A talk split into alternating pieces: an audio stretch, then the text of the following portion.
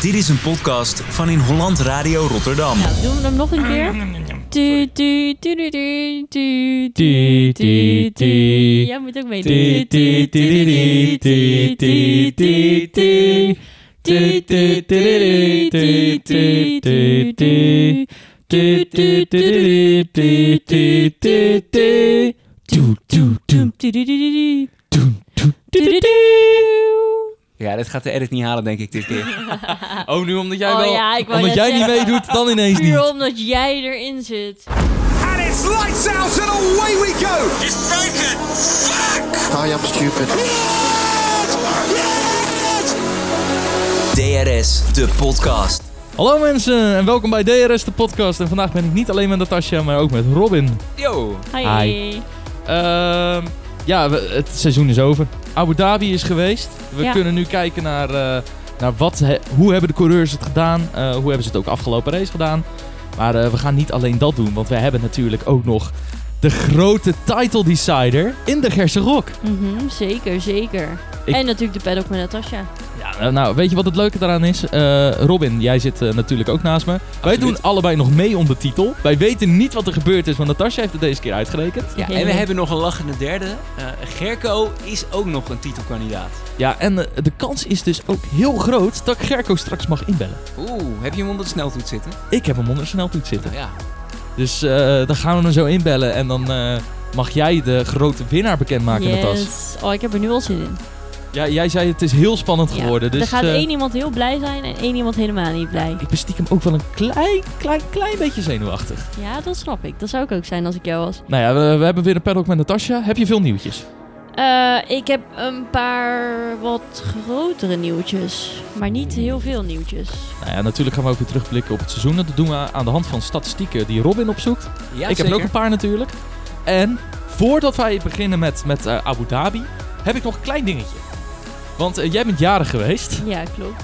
En ik weet niet of ik dit in de vorige podcast had gezegd, want dat ben ik vergeten. Maar ehm, jouw cadeautje die eh, zou binnenkomen, eh, dat is dus nooit gebeurd. Ik heb hem geannuleerd. dus ik ben naar de Racing Store geweest, Oh, waar jij nee, TikTok? Nee. voor doet. Nee. En ik wist niet wat ik voor je moest kopen. Dus Oh. ik had die vrouw aangesproken en ze zegt... Oh ja, Natasja, ja, die, eh, die heeft wel een bepaalde ideeën. Oh nee. Dus ik oh, heb een nee. cadeautje voor je. Oh, Angela heeft het ook echt uitgezocht. Nee, ja, ze heeft me geholpen, laat ik het oh, zo ik zeggen. ga stuk. Oh, dit is heel grappig. Oh ja, Angela. Ah, Ja, maar dan moet je je moet wel laten zien. Ik weet precies wat dit is. Je moet laten zien en horen wat het is. Oké, het zijn... Oh ja, ik ben helemaal... Oh, ik ben nu al kerstdingen aan het verzamelen. Hè. Ik heb een gigantische lichtgevende hond in mijn raam staan.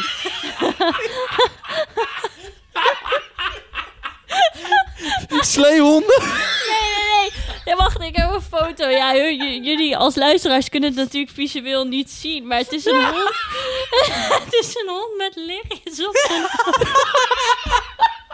Wat is die lelijk? Daarom vind ik hem zo leuk. Hij is zeg maar een hond en die geeft licht en hij heeft lampjes op zijn oren. En een kerstje. Hij zit al met haar hele van lachen. Maar welke, welke bouwmarkt verkoopt dit soort dingen? oh, ik was bij de intratuin in Duiven, weet je wel. Die hele mooie. En ik was met mijn vader. Mijn vader die, die vindt dat ook allemaal leuk. Dus ja, zodoende. Die Maar- intratuin in Duiven, die begint ook gewoon in juni al met kerstdingen, oh, hè? ja. Maar ik zal even verder toelichten wat ik in mijn hand heb. Daniel heeft me dus Red Bull kerstballen gegeven. en ik heb dus altijd een hele Formule 1 kerstboom eh, eh, voor kerst. Dus ja, ze zei is- al dat je het er echt al helemaal over had en ja, dat je erin klopt. ging ja, gooien en ja, zo. ja. Dus ze zegt, die, je moet die kerstballen Oh, dit is echt perfect, dankjewel. En ja, ik heb het dus met mijn vriendin samen gekocht, want we waren samen Oh. toch de stad in. ik En zij heeft zich helemaal doodgelachen om wat ik heb gehaald. Dus Ja. dat was ook nog eens prachtig. Oh, nee, Ik ik, had vind dus stiekem- helemaal geweldig. Stiekem wel gehoopt bij Red Bull kerstballen dat je dus echt een kerstbal had met gewoon het uitgerekte hoofd van Max Verstappen en het uitgerekte hoofd Nou, van... dankjewel. Oh Perez. ja, ik ben dat was heel mooi blij geweest. dat dat niet zo is. Wat dacht je die van Danny Rick? Maar dan is gelijk de halve kerstbal zijn neus. Lijkt wel een beetje op die hond. Oh, Zal ik daar, zal ik daar een gezicht van Danny Rick op plakken? Oké, dit is weer een, dit is echt weer zo'n typische start van Ja. de, van de eerste podcast. Ja, hier komen we niet meer overheen, maar... Oh. Kijk op Nee, eh, in Holland Radio eh Erdam, eh, dus Rotterdam zonder de otter, eh, op Instagram om mijn kersthond te zien. dan, zal Oké, hem, die ga je er zo opzetten? dan zal ik hem, als de podcast online is, hem eventjes posten. Nou... God. Abu Dhabi. ja. Ja, oh ja, laten we het daar eens over hebben. Want we hebben daar ook een race gehad. Oh ja, en het was niet zo'n spannende race als dat we in 2021 hadden gehad. Toen we het de, was heel... Ja, oh, 21. ja, toen we de titeldecider hadden tussen Max en Hamilton, waar ze gelijke punten stonden, heel toevallig, precies op de komma. Eh, want dat seizoen waren er ook halve punten gevallen in Spa. Vandaar dat er dus eh, achter de komma nog eh, een vijfje stond. Die staan nog om een Netflix... eh, Netflix. Om een Netflix gegrift. Nou, ze staan ook op Netflix. heel toevallig. Nou, ik kan nog altijd weten dat ik met die race... Ik zat samen met onze radiocollega Lars te kijken. En eh, dat, dat we allemaal met personen zaten die het helemaal niet meer inzagen. Dat ik samen met een buurjongetje nog binnen eh, aan het kijken was. Terwijl de drie buiten aan het roken waren. Of aan het blowen. Ik weet niet precies wat ze aan het doen waren. en toen wij safety car schreeuwden... dat we ineens drie kopjes zo uit het raam zagen steken. En dan ook gewoon dat je met Lars aan het springen en aan het gillen en aan het huilen en dat soort dingen aan het doen bent. Met andere woorden, eh, aardbeving eh, 7.4 op de schaal van Richter. Maar ja, dat was dus een emotionele race. Eh, dit was tevens ook een emotionele race. We hebben afscheid moeten Oh nemen ja? van een aantal mensen, waarover eh, ik meer ga vertellen in de paddock met Natasja. Eh, we hebben afscheid moeten nemen van de RB19, waar Max Verstappen zelf ook nog best wel emotioneel over was. Ehm, Max, emotioneel. Nee, ja, Max, zeker. Emotioneel inderdaad. Want ja, wat je heel erg merkte was dat... Hij heeft nu zo'n zegentocht dit seizoen in die auto gehad. We komen zo nog terug op het hele seizoen. Eh, maar dat hij zelf ook wel merkte van... Ja, shit. Wordt het volgend seizoen nog wel zoals nu? Ja. Kom- eh, wordt, komt hij ooit nog...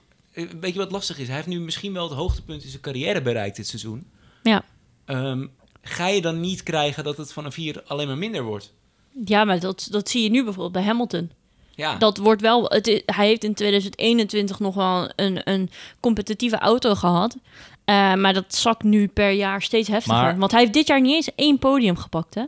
Huh? Hamilton heeft vorig, wel een podium vorig gepakt. jaar ook niet. Ja, maar geen win. Oh, geen win. Nee. Nee, ja, Nee, podium precies. wel. Wacht Eh, maar. eh, Ja. Bovenste Hij staat al Ja. twee jaar droog, dat klopt. Ik bedoel, er heeft alleen Carlos Sainz heeft volgens mij dit seizoen een win gepakt buiten de Red Bulls om. Ja. Ja, klopt.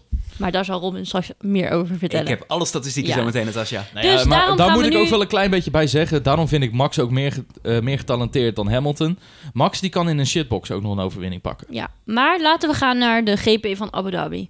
Waarbij we eerst gaan vooruitblikken, eh, vooruit, terugblikken. Ach, jammer. Maar we kunnen niet meer vooruitblikken. Maar we gaan terugblikken op de GP van Abu Dhabi.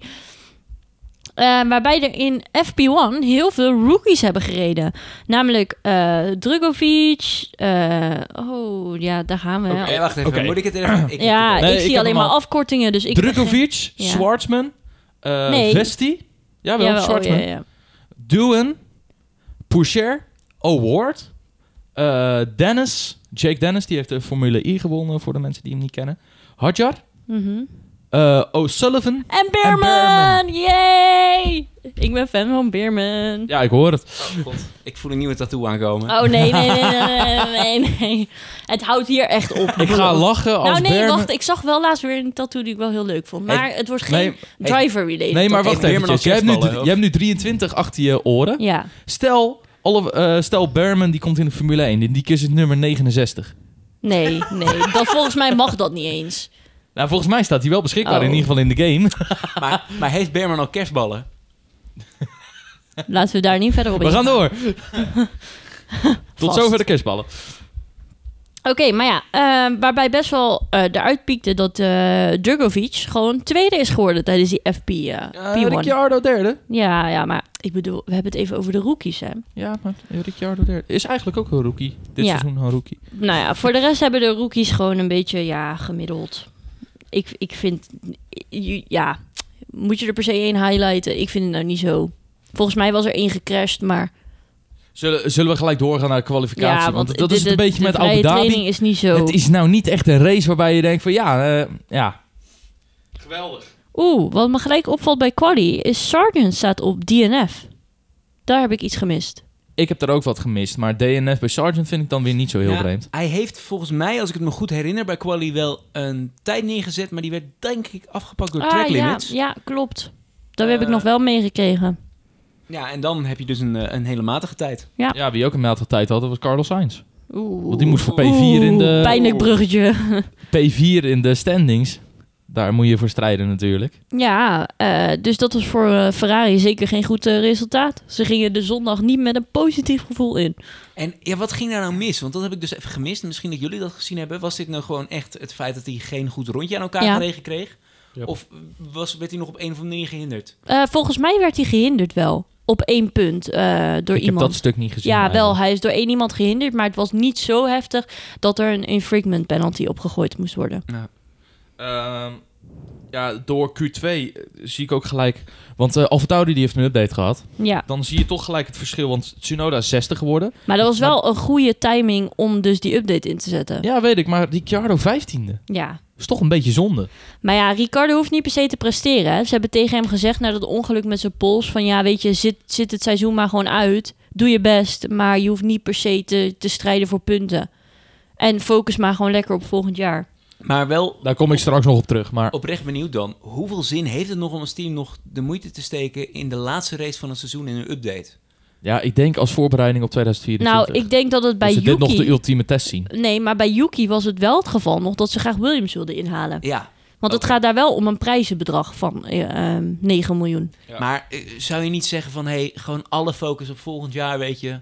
Zorg er dan voor dat die auto volgend jaar beter is dan die shitbox waar ze nu in rijden. Ja, ik denk juist dat ze te veel in die updates update. hebben gestokt, eh, gestopt. In plaats van dat ze dachten van oké, we gaan alvast op volgend jaar inzetten. En het heeft geholpen, hè? want in de, zeg maar, in de laatste vijf races hebben ze nog 20 van de 25 punten dit seizoen eh, Ja. Ja, gepakt. dat is echt veel.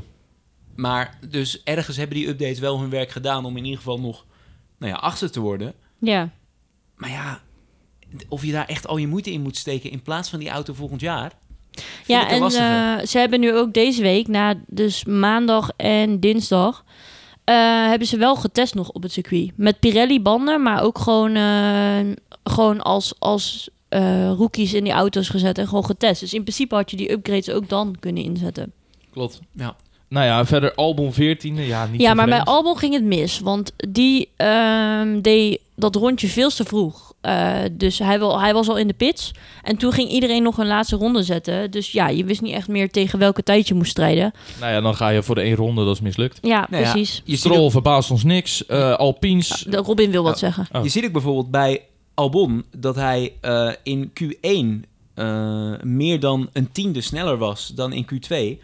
Sterker nog, eh, met zijn tijd eh, die hij in Q1 neerzette, had hij het ook net niet gehaald, maar was hij nog elfde geworden. Ja. Ja, dat is nu wel beter als eh 14 uiteindelijk. Ja, dat is correct. Nou ja, eh Stroll verbaast ons denk ik niks. Nee. En door. Ook kon Ocon- ook niet. Nee, Hamilton, ja, dat is misschien Ja. de grootste verrassing uit eh, Q2. maar aan de nou, je- kant- dat tegenwoordig toch ook niet meer. Nou, de laatste races laat hij het echt gaan. Ja, Sinds hij geen P2 meer kan pakken, dan is het gewoon afgelopen. ja, maar ja, Mercedes streed nog wel om het constructeurs. Ja, maar ja, hij liet het gewoon niet meer zien vanuit zichzelf. Nee. Want Russell is de laatste wedstrijden wel beter geweest. Eh, Gasly tiende, nou ja. Alpine, het is een beetje de plek van Alpine steeds. Mhm, is dat is standaard. Net niet goed in de punten, maar niet. ze doen wel mee. Net niks. Ja, nou, net niets. Maar ik zie wel vaker Gasly eh, dat hij Ocon outperformt. Dat gaat mij steeds meer opvallen. Nou, het valt iedereen op. Ja, Het eh, vind ik eigenlijk ook niet zo heel gek hoor. nou, maar Ocon die rijdt al ik weet niet hoe lang bij dat team. En dan ineens eh, komt Gasly erbij in één jaar en die doe- gaat jou gewoon... Ja, maar Gasly is de betere coureur. Ja, maar dat zie Zo je dan is dat gewoon. En eh, als ik ook kijk naar, naar het afgelopen seizoen. eh, Oké, ik moet wel bij zeggen. Ocon heeft heel veel DNF's gehad. Ja, maar ja. Hij heeft er zes gehad. Is dat dan niet een beetje zijn Tegenover schuld? één. Hij is een beetje roekeloos hoor, vind ik. Roekieloos. Roekeloos, ja. Mooi. het klopt ook. Negende Perez, verbaast me ook niks meer. Nee. Ga ik niks meer over zeggen. Ik vind het al knap dat hij Q3 haalt. Terwijl die wel in strijd was, volgens mij, voor zijn ehm, plekje, of niet? Of was hij al allemaal heel... Nee, dat was al klaar. Nou, dat was wel klaar, ja. Eh, Hulkenberg achtste, dat is wel knap. Alonso zevende. Nou ja, een beetje normaal. Tsunoda zesde, ook heel knap. Vijfde voor Norris, vierde voor Russell, derde voor Piastri. Netjes. En eh, de front row wordt gelokt door Leclerc op nummer 2 en Max op pol. Ja. Dus ja, daarin gewoon niet heel veel verrassingen, denk ik. Maar ze zaten wel dicht op elkaar. Dus dat was nog wel even, even spannend, hoor. Ja, en dan gaan we naar de race toe. Want daar was natuurlijk zo van... Ja, eh, we hebben ehm, Ferrari tegen Mercedes. Dat was Mhm, gewoon de ja. grote strijd. En het wisselde tijdens de race ook steeds. Ja. Bij, eh, bij Russell was het ook gewoon vrij snel dat hij eh, naar P3 kon rijden. Eh, Hamilton moest ook iets vooruit rijden. Maar dan wacht je toch een klein beetje op Sainz. Die, Ja. die vooruit komt. Maar dat gebeurde niet. Moet ik ook zeggen, qua strategie is Sainz weer eh, behoorlijk achtergelaten door Ferrari. Net zoals Leclerc, want Leclerc die bleef ook maar zeggen van... eh, Mijn vader die zei het nog, je, Leclerc die had veel eerder al Perez moeten ophouden of Russell moeten ophouden.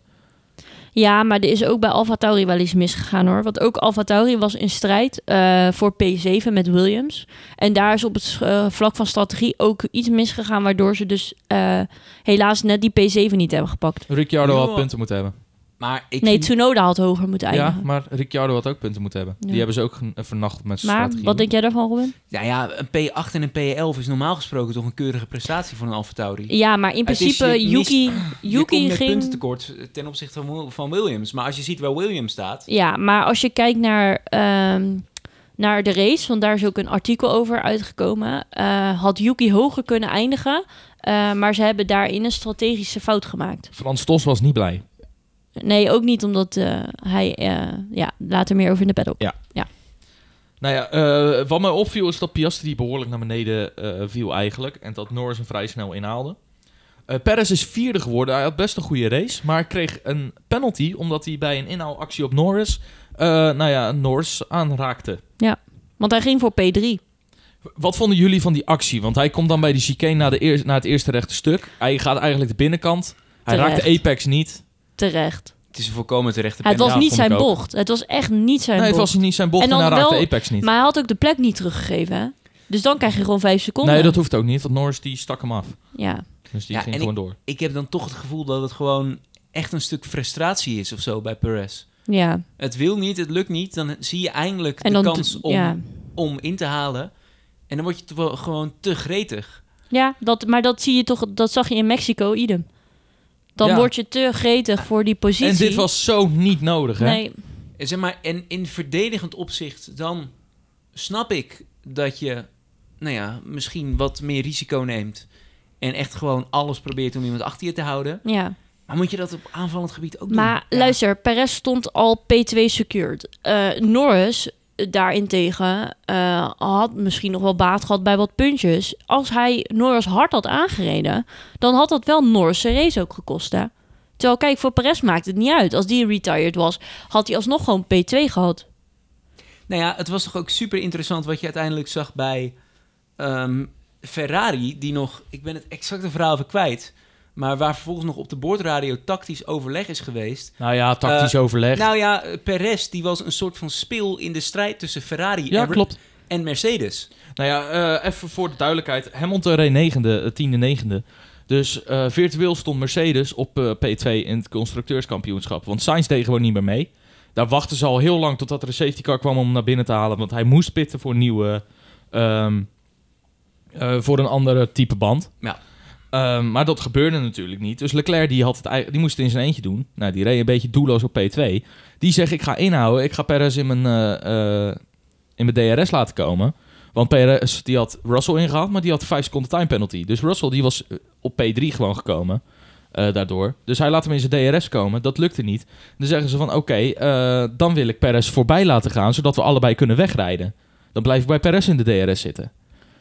Dus Leclerc die was dat zelf aan het doen. Dit was geen Ferrari-strategie. en dat is gewoon weer wat, wat je het hele seizoen ziet. Nou ja, daar gaan we denk ik straks op terugkomen als we een soort van recap gaan doen. Ja. De strategieën bij Ferrari zijn nog steeds ruk. Daar kan de Ja. team principal niks aan doen. Ik ga Mattia Binotto hier ook verdedigen, want daar kon hij niks aan doen. Fred Vasseur kan er niks aan doen. Er is daar gewoon iets aan de hand. Ook die ingenieurs van die twee coureurs. Teamstructuur is gewoon niet oké. Nou, die twee ingenieurs, die zijn, dat zijn ook leeghoofden. Ja, maar als ik nog heel even mag inhaken over wat ik het net over had, over Norris. Ehm, al had hij boven Perez geëindigd, ehm, had dit betekend dat hij vierde werd in plaats van zesde in de uiteindelijke result van de drivers. Want Lando Norris had 205 punten en Leclerc en Alonso allebei 206. Dus die Ja. twee punten die hij anders extra had gehaald, was voor hem eh, eh, heel erg van, van belang geweest. Ja, hoe close het ook zat tussen de P4 en P7. Dat is echt niet normaal. Ja, en zeg dat ehm, Perez Norris op dat moment af had gereden, had Norris zoveel punten verloren dat hij ook zijn P6 kwijt was geweest aan Sainz. Dus Ja, op het moment dat Perez dus die divebom neemt daar, neemt hij ook bijna eh, een hele belangrijke positie van Norris mee. Nou, hij was daar 10 maar- punten tekort voor gekomen dan. Kijk, in alle eerlijkheid, daar ben je als coureur zijnde niet mee bezig. Perez gaat niet denken, oh, Norris eh, is nu aan het strijden voor een P4. Nee, maar om maar even gewoon te beseffen dat ehm, omdat Perez zo blanco daarin rijdt, Tuurlijk. eh, dat je in principe ook iemand anders zijn eh, resultaat heel hard beïnvloedt. Ja, en dat maakt ook wel het lastige van die penalties.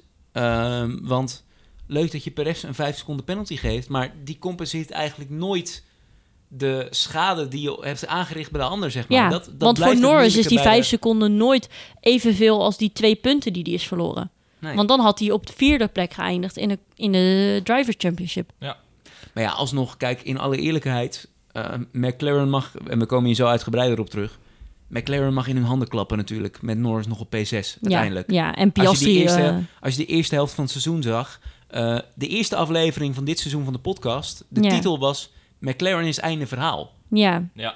dat is wel waar. Dat Jullie is een hier- uitspraak van mij, denk Ja. ik. Jullie ja. hebben hier zitten agenderen dat eh, McLaren helemaal niks meer werd. Jij hebt in, het, in, de, in, eh, in jouw voorspelling voor het hele seizoen, Natasja, heb je Haas, die uiteindelijk tiende zijn geworden, boven McLaren ge- geplaatst. Ja. Dat was ongeveer het vertrouwen wat er nog was in McLaren einde seizoen. ja, en op zich, als je ook kijkt naar, naar Piastri als rookie, gewoon negende in de standings. Dat is gewoon bizar eigenlijk. Ze hebben het eigenlijk vanaf, nou ja, vanaf Silverstone, nou, Norris iets eerder, vanuit, eh, vanaf eh, Oostenrijk. Oostenrijk. opeens helemaal goed gemaakt. Dat was omdat ik er was in Oostenrijk. Ha, was mijn eerste race dit seizoen. nee, hoor, grapje. Maar Hier staat ook dat hij P4 is geworden in Oostenrijk. Volgens mij was er dan iemand met een penalty geweest. Ehm, dat klopt niet helemaal, want hij heeft 12 punten gescoord, heb ik hier staan. Dus Ja, dat is P4. ja, dat is Oh. P4. zo, Want goedemiddag. ik dacht dat hij vijfde was geëindigd. Nee, maar die punten kan ik echt dromen, die puntentelling van F1. Ook een klein beetje, moet ik zeggen, het kwam al een klein beetje bij Norris eh, vanuit Spanje. Want daar pakte hij al P3 in de kwalificatie. Maar toen zag je al dat het nog niet helemaal lukte. En pas vanaf Oostenrijk gingen ze ineens performen. Totdat er, eh, tot, dat hij ineens eh, podiumplaats aan, een aan het rijden was. Ja, ja. Ja, nou ja, eh, Abu Dhabi is een afgelopen. Max heeft natuurlijk gewonnen, want ja, daar gaan we gewoon niet al te veel op in. Ja. Die heeft wel uiteindelijk gezegd, je mag Perez eerder naar binnen halen eh, dan ik. ja. Dat leek er een beetje op dat hij Perez wilde helpen. En aan de andere kant was het ook natuurlijk een beetje eigenbelang. Mhm. Want hij heeft namelijk het record kunnen pakken eh, dat hij meer dan duizend laps in een seizoen aan de leiding is gegaan. En daardoor is hij Michael Schumacher voorbij. Ja, prachtig toch? Maar dan wil ik jullie even een, een, een, een, een leuk dilemma-stelling stelling voorstellen. Oeh. Oké, Ben benieuwd. Max Verstappen heeft natuurlijk op, de, eh, op het einde donuts mogen doen. De Eh, perfecte donut. Ja, er eh, gaan eh, dingen rond dat de FIA heeft verboden dat er donuts gedaan mochten. En er is dus ook tegen Leclerc gezegd: nee, dat mag niet, want hij wilde ook. Wat vinden jullie daarvan? Ehm, ja, lijkt me dan gewoon een geldboete, toch? Ja, lijkt mij ook. Nee, maar, maar ik bedoel, ik vind het zo'n is bullshit. het fair naar Leclerc dat er tegen hem nee wordt gezegd en tegen Max Nee. ja? Dus daarom zeg ik, geldboete lijkt Ja. me dan op zijn plaats bij Max. Ja. Heel Eh, eerlijk. of dacht je van gewoon eh, volgend jaar iedereen eh, ja, de top drie gewoon lekker donuts laten doen? ja, weet je wat het probleem is? Je zag die donut van Max. Die Mhm. was dus perfect. Want gewoon donuts gemaakt en perfect gewoon weer Ja. Kwam zo ja. uit de rook. Dat Keurig, was heel vet beeld. keurig Ja. gedaan. Je weet ook dat er coureurs zijn.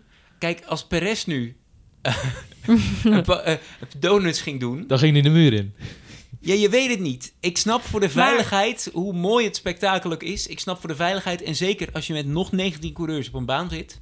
eh, dus die ook nog aankomen rijden. Want die zitten ook nog in een outlet of in een cool-down lab. Dan snap ik op zich dat je het risico niet wil nemen dat mensen donuts doen. En Ja, dat je en- door de rook en dergelijke Maar niet jullie dat is- kennen niet maar- de iconische foto. En nou wil die niet helemaal lekker in beeld. Dat is een Ferrari, McLaren en Mercedes. Identiek. Ja, dat Ja. is uit 2018. Die, Want dit dus was het afscheid van Fernando staan. Alonso Ja. bij McLaren. Maar zal ik jullie hier een leuk feitje over Nee, vertellen? wacht eventjes. Ik moet nog even Nee, één nee, ding... nee, nee, nee. ik wil nog iets heel over even... die foto zeggen. Nee, ik wil nog heel even inhaken op Robin. Ja, maar ik wil iets over die foto zeggen. Ja, dat doe je zo. Ik wil nog heel even inhaken op Robin. Want eh, jij zegt dat er komen er nog 19 coureurs aanrijden. Ehm klopt. Maar eigenlijk zijn er er nog twee coureurs die aankomen rijden. Want die andere 17, die gaan gelijk de pits in. Ja, oké. Maar leuk feitje over die foto dus. Die foto is gefotoshopt. Sorry? Huh? Ze staan helemaal niet naast elkaar op het moment dat je dit ziet. Dit is gefotoshopt. Ja, en je moet dit nu even... eh, oh, Ja. Ik denk, het be- je kan het beste zien als je nu googelt... Doing Donuts at the end of the Abu Dhabi Grand Prix. Het is inderdaad een foto waarin er nou ja, drie auto's... Ja, in de identieke pose op de grid naast elkaar staan. Ik dacht ook al van, het voelt een beetje krap naast elkaar... maar dat zou wel de cameralens zijn. Maar jij zegt hier bij deze, jij gaat het nu debunken. Ja, hij is gefotoshopt. Dit is Je kan het ook wel aan de rook zien. Want het ding is, ehm, ze deden dus donuts, maar helemaal niet synchroon. Dat zie je dus ook op andere foto's als je eronder gaat klikken. Eh, en iemand heeft dit gewoon op Photoshop zo laten lijken alsof ze het alle drie tegelijk deden. Oké. Dus Hey. dat is weer een leuk feitje wat jullie nu weten. Daar komt hij, let op. Driver of the weekend. Ja, driver of the weekend. Wie is voor jullie de driver of the weekend? Oeh, ik vind dat moeilijk. ik, ik twijfel een beetje, want ehm, Ik ga voor Leclerc. Ik zeg Tsunoda. Dat snap Ja. ik ook wel. ik zit te twijfelen tussen, tussen Piastri of Norris. Ik vond McLaren wel gewoon... Piastri is wel weggevallen. Ja, hoezo? Hij is alsnog gewoon zesde. En hij kwalificeerde derde. Fantastische kwalificatie gereden Ja. in de Piastri, maar... Dus ja, ik, eh, ik denk dat ik toch voor Piastri ga. Als rookie ook zo je seizoen eindigen als zesde, ja. Dus niet te vergelijken met de rest. Eh, ik ga voor Leclerc, maar dat is ook puur omdat hij eh, best sterk reed vanaf P2 en ook een tijdje wel meedeed om P1. Want hij kon Max goed bijhouden. Mhm. Ehm, natuurlijk zijn P2 kwalificatie. En omdat hij gewoon eh, stra een strategist is gaan spelen. En eigenlijk best wel slim was, maar dat het gewoon te laat kwam. Want ik denk dat het gewerkt had. Nou, op zich is Leclerc natuurlijk als Perez niet zo'n verschrikkelijk lompe inhaalactie op Norris had gemaakt, was Leclerc waarschijnlijk nog derde geworden. Nee, want dan had hij hem niet ingehaald.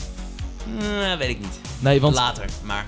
Nee, nee, nee, maar eh, Leclerc die hield, want die stond echt mijlenver voor, hè? Maar die hield Oh, dus in ja, om Perez voorbij te laten. Excuus, je hebt gelijk. Ja, dus eh, Leclerc was sowieso tweede geworden en dan was Perez derde geworden, want die had gewoon een normale inhaalactie op Russell gedaan. Dus, ja, ja. Ja, nou ja, zeker als je Leclerc vergelijkt met Sainz, dan is het natuurlijk wel een... met andere woorden, wij, wij geven gewoon Perez de schuld dat Ferrari niet tweede in het constructeurskampioenschap is geworden. Ja, en Vind dat ik heeft een mooie conclusie. En dat is wel even een leuk, eh, leuk alvast vooruitzicht voor de Gersrok straks. Eh, jullie hadden allemaal, inclusief ik, Ferrari op nummer 2 voorspeld. Op één iemand na. En daar gaan we straks zeggen wie. Maar iedereen had verwacht dat Oh, Ferrari God. tweede zou worden. Oké. Oh, wacht, nee. Gekko, nee Gekko oh, heeft de... gewonnen, of niet? Nee, Nee. ik bedoel in de, in de ranglijst. Oh, ik iedereen dacht in had de race. Nee, constructeurs had iedereen Ferrari als tweede voorspeld. Als tweede constructeur. En eentje niet. Nee, één iemand niet. Oh, daar ben ik eigenlijk wel benieuwd naar. Eh, wat ik er trouwens nog even bij wil zeggen, eh, wat betreft Driver of the Weekend. We hebben ook altijd de flop of the weekend. Ik ga nu even een team noemen. Eh, ik noem eigenlijk twee teams. Alfa Tauri en Ferrari.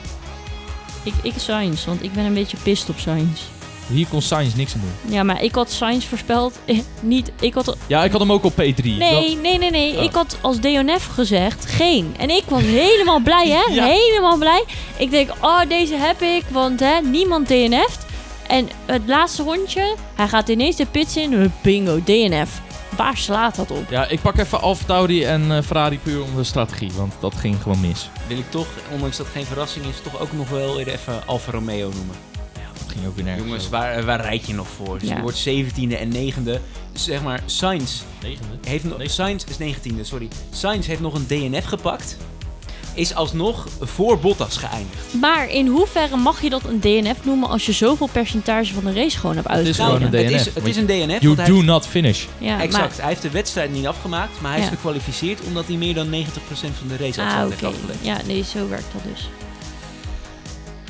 Oké. Eh, gaan we nabeschouwen of eh, wil jij gelijk je paddockje doen? Ja, ik denk dat het wel leuk is om mijn paddock even eerst te doen. Want veel van deze nieuwtjes hebben te maken met Abu Dhabi. Dan is dit de paddock met Natasja. De Paddock met Natasja. Hier gaat hij. Oké, nou, ik heb een aantal nieuwtjes verzameld. Eh, waaronder één nieuwtje over Viaplay. Eh Viaplay heeft namelijk de presentatie voor de jaarcijfers eh, van het derde kwartaal eh, weer uitgesteld. Met andere woorden, we gaan Ziggo kijken volgend jaar. Nou ja, er gaan wel geruchten rond dat Viaplay uit paniek de rechten voor meerdere sportzenders die ze hebben aan het verkopen zijn. Wordt ook Premier League voetbal. En ja, dit, dit is wel enigszins een soort teken dat het niet helemaal goed gaat als je die cijfers niet direct eh, publiceert. Hey, bedenk eventjes, hè. Als Viaplay de rechten weer verliest aan Ziggo... dan eh, is de kans heel groot dat Olaf Mol weer terugkomt. Jezus, krijgen we weer die bitterbal ka- ka- kalende armoede, ja? Ja, kijk, Sorry, maar, maar deze man is toch ook wel over zijn houdbaarheidsdatum heen. ben ik Ik het ga nu heel veel mensen ben ik, boos het, maken. ben ik het ergens wel met je eens. En aan de andere kant, je hebt ook Melroy en Niels. Dan weet ik al dat ik 100% voor Olafje ga. Hallo, Niels? waarom kan er niet een vrouw eh, commentator worden? Melroy en Nelson. Oh, Nelson, ja. Hier, dat bedoel ik. Ze zitten er al... Niels. En Wat? Nee, ja. Nee, maar ik bedoel, waarom kan er niet een vrouw eh, als commentator binnenkomen bij uh, Ziggo? Nou, Omdat die er niet zijn? Ja, ik, ik meld me aan voor de positie. Ziggo, als je luistert. Nee, ik ga misschien wel eh, nog iets met school. eh, Met alle respect, doen, dus- maar als ze net zo'n knowledge hebben als Amber Brandsen, dan zou ik het gelijk niet doen. Heb ik zo'n knowledge als Amber Brandsen dan? Nee, jij bent veel slimmer. ja, 100%. Ik meld me wel aan bij deze. Dit is mijn sollicitatie. Ik ben al lang blij als je, als je die tandarts zou vervangen, zeg maar. Ja, Zullen wij het samen doen? ja, hoe leuk is dat? DRS, de podcast, gaat... eh, Gaat commentaar Ja. Dat gaan we doen met Bahrein. Dan gaan Ja. wij samen de, eh, de Grand Prix kijken en dan gaan wij commentaar erop geven. ja, dat is goed. Doen we. Oké, dan gaan we door. Ehm, Patrick Owert, of ja, Patrick... Wacht even, Pat- dan wil ik wel Robin in Race Control. Oh, god. Ja. Ja hoor, helemaal goed. Wow, huh? ik dacht altijd al die tijd dat hij Patrick heette, maar het is Patricio Owert. Tot zover de kennis. Ja. Dit Oftewel. Natasja. Peddo. Peddo Owert heeft gezegd na zijn eh, F1-debuut in Abu Dhabi bij, eh, bij de test, eh, heeft hij gezegd na de Indy 500 zegen zou een overstap van de Formule 1 een sprookje zijn. Dus wie weet eh, dat hij eh reservecoureur gaat worden voor Er McLaren. staat Of, er in ieder geval anders in dan Palou. ja. Die wilde juist omgekeerde. Ehm, nou ja, Williams is natuurlijk op P7 geëindigd in de constructeurs championship. Albon is zevende, zevende ja. geëindigd in constructeurs. Maar Ja. James Fowles heeft gezegd dat eh, P7 voor Williams meer waard is dan 9 miljoen euro prijzengeld. Eh, het, heeft, het zet Williams zelf gewoon meer op de kaart. Ook dat ze, dat ze eh, hoger eindigen dan AlphaTauri. Eh helaas hebben we wel afscheid moeten nemen van James Fowles. Nee, niet van James Fowles. Ik wil net zeggen. Sorry, ik haal weer dingen door elkaar. Ik zeg Alfa Tauri en ik, ik... Nee, we hebben afscheid moeten nemen van Frans Tost van Alfa Tauri. Ja. Helaas naar, ik weet niet hoe lang... C. Sorry, ik ben een beetje afgeleid ondertussen. Ja, De glazenwassers komen zo langs onze podcaststudio. oh, Dan gaan we met z'n allen zwaaien. Excuus, excuus. Maar Frans Tost is eh, ja, weg. Frans Tost is, eh, hebben we helaas afscheid van moeten nemen tijdens de eh, GP van Abu Dhabi. Dat was zijn laatste race als teambaas voor Alfa Tauri. Waardoor er dus ook voor Alfa Tauri volgend jaar ehm, hele nieuwe dingen op de planning staan. Ze krijgen waarschijnlijk een nieuwe naam, een nieuw uiterlijk en natuurlijk een nieuwe teambaas. Eh, wel gaan de geruchten rond wat de nieuwe naam gaat zijn. En ik wil graag jullie mening weten. ja, want ik het wil lijkt, hier net, al op inhaken. het lijkt net AI-generated. Eh, eh, geef me een naam voor het B-team van Red Bull. En dan komen we uit op Racing Bulls. Nee. Ja, ja. Ja, het is echt zo. Want er is namelijk een, een handelsnaam geopend op, op, met die naam. Mag ik eerlijk zijn? Waarom doe je moeilijk? Ga gewoon lekker terug naar Toro Rosso. Ja. Noem ze gewoon weer Toro Rosso. Of, of maak het gewoon een onafhankelijk team met een hele nieuwe naam. Maar Nee, ja, maak het gewoon wat- Toro Rosso, maar luister, weet je? wat ga je doen met je kledinglijn? Hey, je hebt een heel merk gebouwd, Tauri kleding. Eh, ja, wat gaat daar dan mee gebeuren? Ik ben benieuwd. Die komt nu op de auto van Red Bull. Ja. Dan is AlphaTauri een keertje de eerste van de wereld. Ehm, Ik vind dit wel echt creatieve armoede hoor, sorry. Ja, maar, ja, Wat maar is dit nou? Robin. Racing Bulls. Robin, vind jij dan ook niet dat ze gewoon weer terug naar Toro Rosso moeten? Ja, doe dat dan lekker. Hallo. Ja. Het is ook lekker makkelijk. Iedereen kent die naam. We, hebben ja, al, we hebben al Talking Bull, dat is al de podcast van Red Bull Racing. Ja. Nu krijgen we nog Racing Bull. ja. Het, Maar het ja, is we toch gaan letterlijk het zien. Red Bull. Je hebt gewoon RB. Wat kan je nu als, uh, als afkorting Ja, gebruiken? er gaan geruchten rond dat ze een samenwerking aangaan met Hugo Bos. Maar dat de eh, afspraken niet helemaal lekker gaan. Waardoor Bos F1-team. eh, de naam dus eh, heel lang gespeculeerd werd. Omdat het dus allemaal niet zeker was. Ik hoop dat daarnaast heb ik nog een ander nieuwtje. eh, Monster Energy is is, heeft een partnership geannounced met McLaren. Ik zag het gisteren. Zonder ja. dit met Mercedes te overleggen, hebben ze ineens die announcement gedaan. En daarna Mercedes laten weten dat ze helaas het 14-jarige partnership met Mercedes opzeggen. Eh, waardoor Mercedes in een soort van hè was. Zo van, wat is dit? Maar de partnership met Lewis Hamilton gaat wel nog gewoon door. Oké, maar dat is toch gewoon zo'n Ja. persoonlijke... Ja, want Lewis Hamilton is natuurlijk wel eh, momenteel het gezicht van, eh, als je kijkt op de racebasis van Monster Energy. Alleen ja, ze gaan dus nu naar McLaren. En wie weet dat we daar nog wel een leuke livery eh change Nou, in mijn gaan broertje en ik die kwamen dat dus gisteren tegen. En hij zei van, als, hier, eh, als ze dat oranje met groen gaan mengen, dan wordt dat zulke vette merch. Ja, ja. Dan gaan we merch halen, want Ja. dat is echt... Ik heb dat gezien en dan dacht ik gelijk van, oh, dit is vet. ja, ik ben benieuwd. Ehm hoe dat ik het net al had over ehm bandentest en een eh rookie-test bij de Formule 1 eh, maandag en dinsdag. Is Russell eh, gecrashed tijdens die bandentest. En Sainz is eh, als snelste geëindigd in de bandentest. Eh, ik heb de auto van Russell gezien. Die lag wel aardig in elkaar, in de kreukels. Het was een, volgens Mercedes, technisch probleem met de auto. Dit wall turn in on hem. ja. Ehm, voor de laatste race heeft eh, het F1-personeel gezegd dat ze massaal zichzelf niet lekker voelden en ziek waren. En letterlijk uitgesproken, we zijn hier niet voor gemaakt. Ehm, het zijn natuurlijk best wel veel races in een seizoen. eh, met veel warme omgevingen, verschillen van tijden.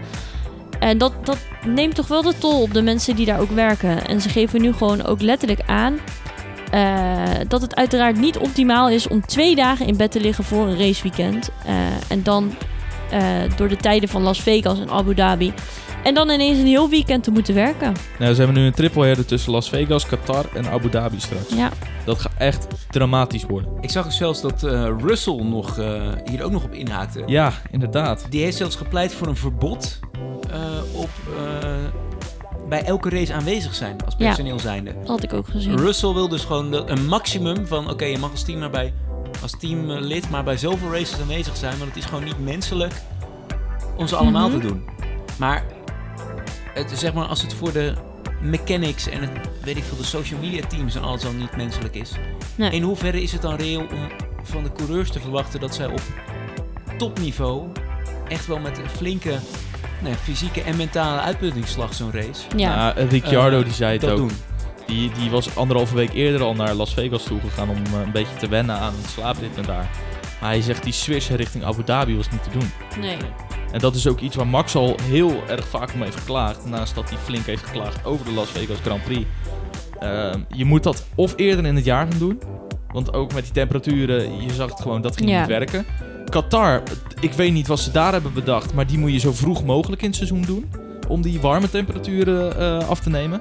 Want januari, februari is meestal het koudste. Nou, dan zou je zeggen, eh, als je dan toch in de zandbak zit met Bahrein en Jeddah, gooi er dan gelijk Qatar bij. Ja. In plaats van richting het einde. Ehm, ook na de Grand Prix van Abu Dhabi eh, is er nog veel gebeurd. Er zijn namelijk eh, een aantal mensen eh, en teams op het matje geroepen bij de stewards. Namelijk alle tien teams zijn op het matje geroepen bij de stewards. Allemaal? Na- ja, nadat er is geconstateerd dat de mensen die om de auto's heen werkten niet de juiste bescherming droegen voor hun ogen. Uiteindelijk zijn ze tot het oordeel gekomen dat, ehm, dat ja, iedereen het had. Dus ja, ze konden daar geen waarschuwingen of straffen voor eh, uitdelen. Maar het wordt wel naar de teams ge- gewezen dat ze daar beter op moeten letten. En er in het reglement ook beter benadrukt. Als ze dit nou eens op school zouden doen. Want in mijn jaar heeft iedereen een 1 gehaald voor, eh, voor hun verslag. Ja, Als ze dan zeggen, oh iedereen heeft een 1, dus iedereen krijgt nu een 6. ja nee, zo werkt dat denk ik niet. Studiepuntjes. Maar eh Perez is daarnaast ook nog bij de stewards op het matje geroepen. Omdat hij dus tijdens de race een eh, uitspraak had gedaan naar de stewards. eh, dat hij het niet helemaal eens was en dat hij de stewards niet zo leuk vond. En dat konden ze niet helemaal waarderen. Het was gewoon een terechte straf, dat is de erge. Ja. Ehm, daarnaast hebben we nog afscheid mo- moeten nemen van een eh, aantal mensen. Namelijk de perso- eh, personal trainer van Verstappen zegt, zet er een punt achter. Eh, hij gaat volgend seizoen stoppen. Hiervoor komt in de plaats de personal trainer van Carlos Sainz. Dus Carlos Carco? Sainz heeft afscheid moeten nemen van zijn personal trainer. En daarnaast heeft de personal trainer van Daniel Ricciardo en nu Yuki Tsunoda. Eh, ook gezegd een stapje terug te doen. eh, wegens dat hij wat meer tijd wil bre- doorbrengen met zijn familie. Vind ik niet gek met zo'n eh vol kalender.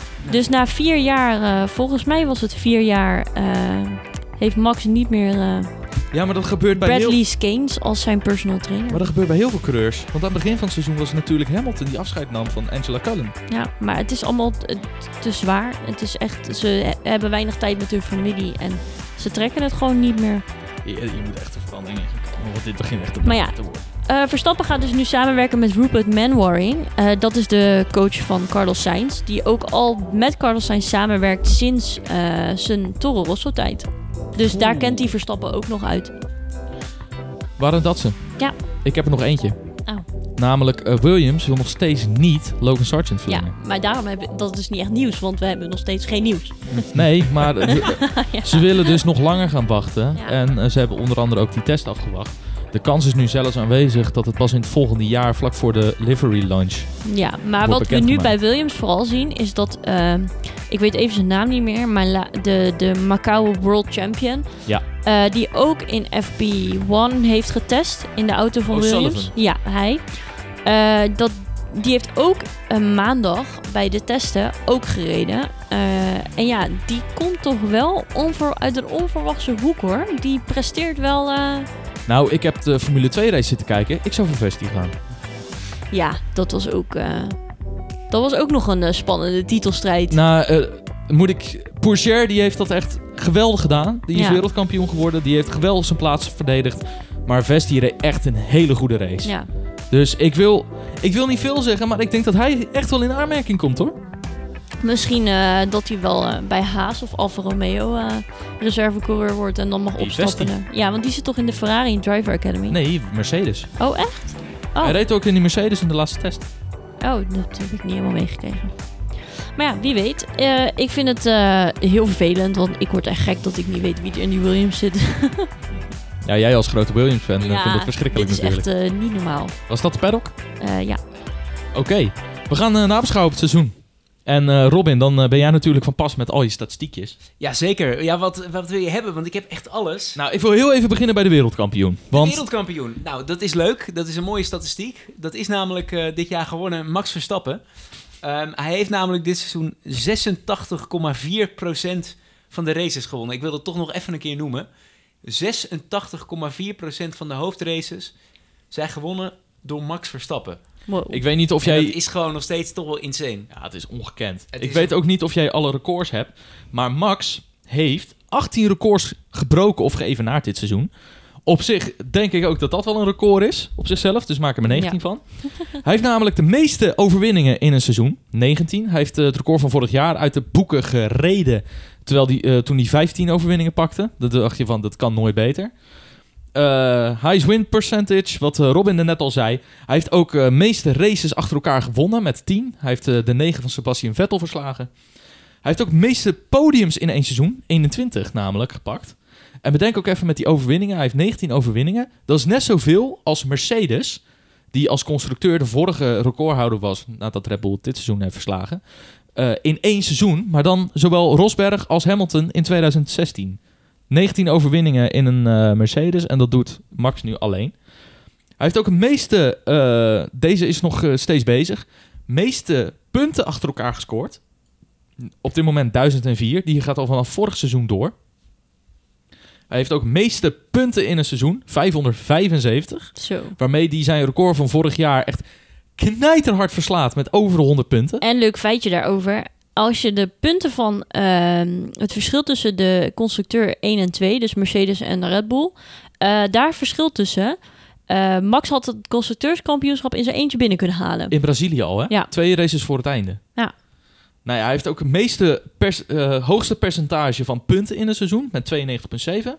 Meeste laps geleid in één seizoen met 1003. Nou ja, daarom wilde hij ook graag de Perez eerder naar binnen ging. Eh, hoogste percentage van eh, aan de leiding liggen in een seizoen. Dus dat is 75,7%.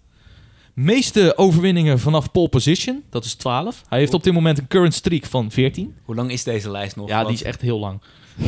Meeste races. meeste races nog over voordat hij een titel heeft gewonnen. Dat is met zes.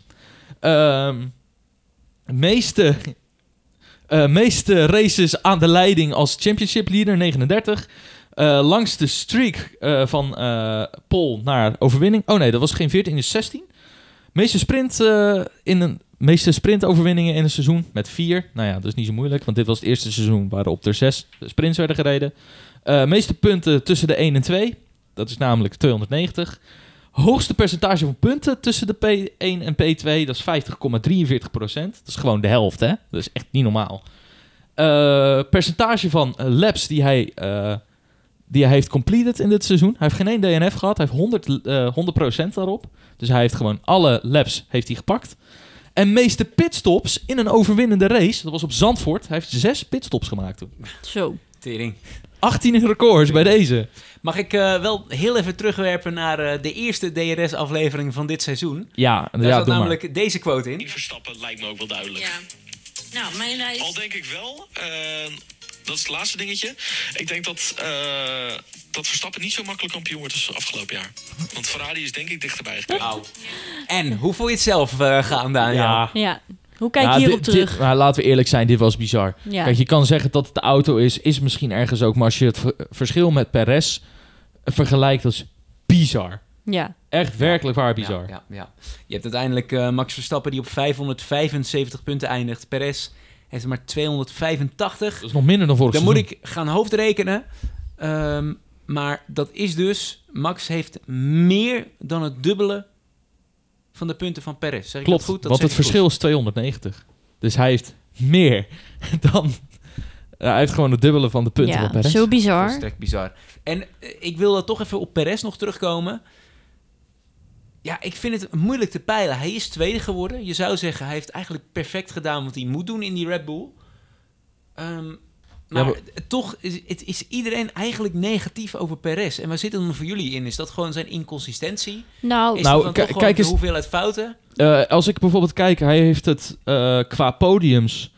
Ja, hij heeft een beetje minder gereden. En dan tot aan Monaco deed hij het goed. Totdat hij ineens in Monaco slecht begon te rijden. En toen was het ineens van, het ging een beetje naar achteren.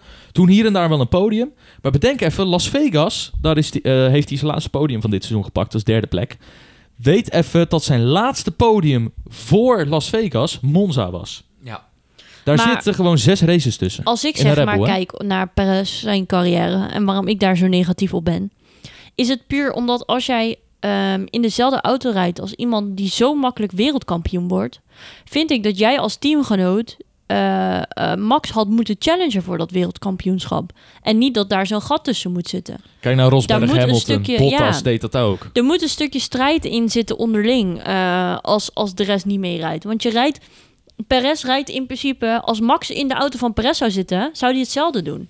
Terwijl als Perez in de, in de auto van Max zou zitten, zou Perez het even slecht doen. Dus daar, dat, dat weegt zeg maar niet lekker tegen elkaar op, dat klopt niet. Ze zijn niet gelijk aan elkaar. Verstappen kijk, die rijdt hem er helemaal aan gewoon. Ik, ik Maar- snap dat, dat bijvoorbeeld als je kijkt ook naar een Williams, ik bedoel, eh, Albon rijdt Sargent ook helemaal kapot. Want Sargent komt niet bij, maar Sargent is een rookie. Dit is zijn eerste jaar. Perez eh, rijdt al, eh, wat weet ik veel, 15 jaar in de Formule 1, man. Sinds 2011. Ja, Ga ik wel even advocaat van de duivel spelen. Want inderdaad, nou, ik ben het er wel mee eens. Hij presteert gewoon niet wat hij zou moeten in een Red Bull met zo'n oppermachtige, overduidelijk dominante auto. ja. Is voor ons als kijkers niet juist fijn dat Perez eigenlijk een beetje onderpresteert? Is het niet als Perez nou ook nog continu die tweede plek in dat broekstakje steekt? Wordt het dan niet nog saaier dan het al is, de Formule 1? Ja. is het Ja, niet voor maar de- ik nee, vind aan het begin van het strijd- seizoen was het echt Is het niet verschrikkelijk. voor de strijd fijn dat, dat Perez eigenlijk zo erg onderpresteert? Maar de strijd waar ik weer heel erg... Wat ik, ik snap jouw punt, maar ik zie dan Perez liever strijden met Max. Dat er wel Dat daar... het spannende wordt daar in het ja, kampioenschap. want eh, als jij in dezelfde auto rijdt als eh, iemand die zo makkelijk wereldkampioen wordt en zoveel records haalt, dan moet jij toch ook wel wat kunnen. Maar Perez die komt niet in de buurt. Wa- Wanneer, welke race hebben Max en Perez nou echt met elkaar gestreden? Terwijl als ik bijvoorbeeld kijk naar een Alpine, hoe vaak zijn Ocon en Gasly wel niet met elkaar in gevecht? Of, of een Stroll en Alonso, of een Piastri en Norris. Maar je ziet Perez en Max nooit met elkaar vechten. Nooit, die, die komen elkaar tegen als Perez gelept wordt. Ja, dat is toch gewoon, Ja, dat is- klinkt gewoon te zielig voor woorden als je het, is zo moet zeggen. In Monaco is die gelept ook. Ja, dan denk ik van kom op, als je kijkt naar alle teams en, en oké, die teams rijden wel in het midden, maar die auto's zitten wel bij elkaar. Nou, er Ik werd dus ook door iemand gezegd, hij heeft ook ongeluk gehad qua DNF's en zo. Maar dat is eigenlijk, dat valt best wel tegen. Want Ja, maar het is Perez, toch die is wel maar twee keer zijn- gedNF'd. Ja, maar dat, dat, waar ligt dat dan aan? Ligt dat dan aan Perez? Of ligt dat aan iemand anders? En bedenk ook eventjes, hij heeft het zo slecht gedaan, want hij heeft maar drie races gehad waar hij geen punten heeft gehaald. Ja. Maar toch zo ver achter je teamgenoot eindigen. Ik zit even te kijken. Maar er zitten best veel zesde en achtste en hier zelfs een tiende Ja. plaats tussen. Dat je denkt van dat zijn loze puntjes voor Red Bull. Is het dan... Ik ga misschien wat heel geks roepen, hè? Zou Monaco hem gebroken hebben? Hij deed de, Ja. eerste vier, vijf, de eerste vijf races... zat hij echt wel in een strijd met Max. Hij had zicht ergens nog om Ja. wereldkampioen te worden. En tuurlijk, het wordt een moeilijke... want Max Verstappen is je teamgenoot en je voornaamste concurrent. Maar hij had nog de kansen aan het begin van het jaar. ja, en ook die uitspraak van En hem. Bij Monaco nou, pakte hij geen punten doordat hij in, een, in de kwalificatie crashte. Die, eh, moest P20 aan de race beginnen. Ja, dat ga je ook al bij Monaco niet meer echt goed kunnen maken. Nee, nee. En hij ziet Max de overwinning pakken. En dan wordt je achterstand in één keer opeens zo groot. Daarna heeft hij het eigenlijk al niet meer laten zien. Nou ja, nee, maar wat- Monaco, ja, daar gaan nog steeds de conspiracy theories van rond. Want Nou ja, dat wat ik dus denk... is nog steeds een beetje een rare situatie hoe hij gecrashed is. Maar Nee joh, dat was vorig jaar. Ja. Dit jaar dat was een Oh. hele andere crash. Oh. Maar ehm, wat ik denk bij, bij dit jaar... Hij weet dat hij heel goed is in straatcircuits. Hij weet dat hij pole position had kunnen pakken hier. Eigenlijk moeten pakken hier. ja, En hij crasht vol in Q1. De race waarbij het zou moeten gebeuren om Max nog steeds bij te houden... om kans te blijven maken op het wereldkampioenschap... is compleet mislukt. Omdat je teamgenoot eh, eerste plaats pakt, dus eh, volledige punten... en jij geen punten pakt.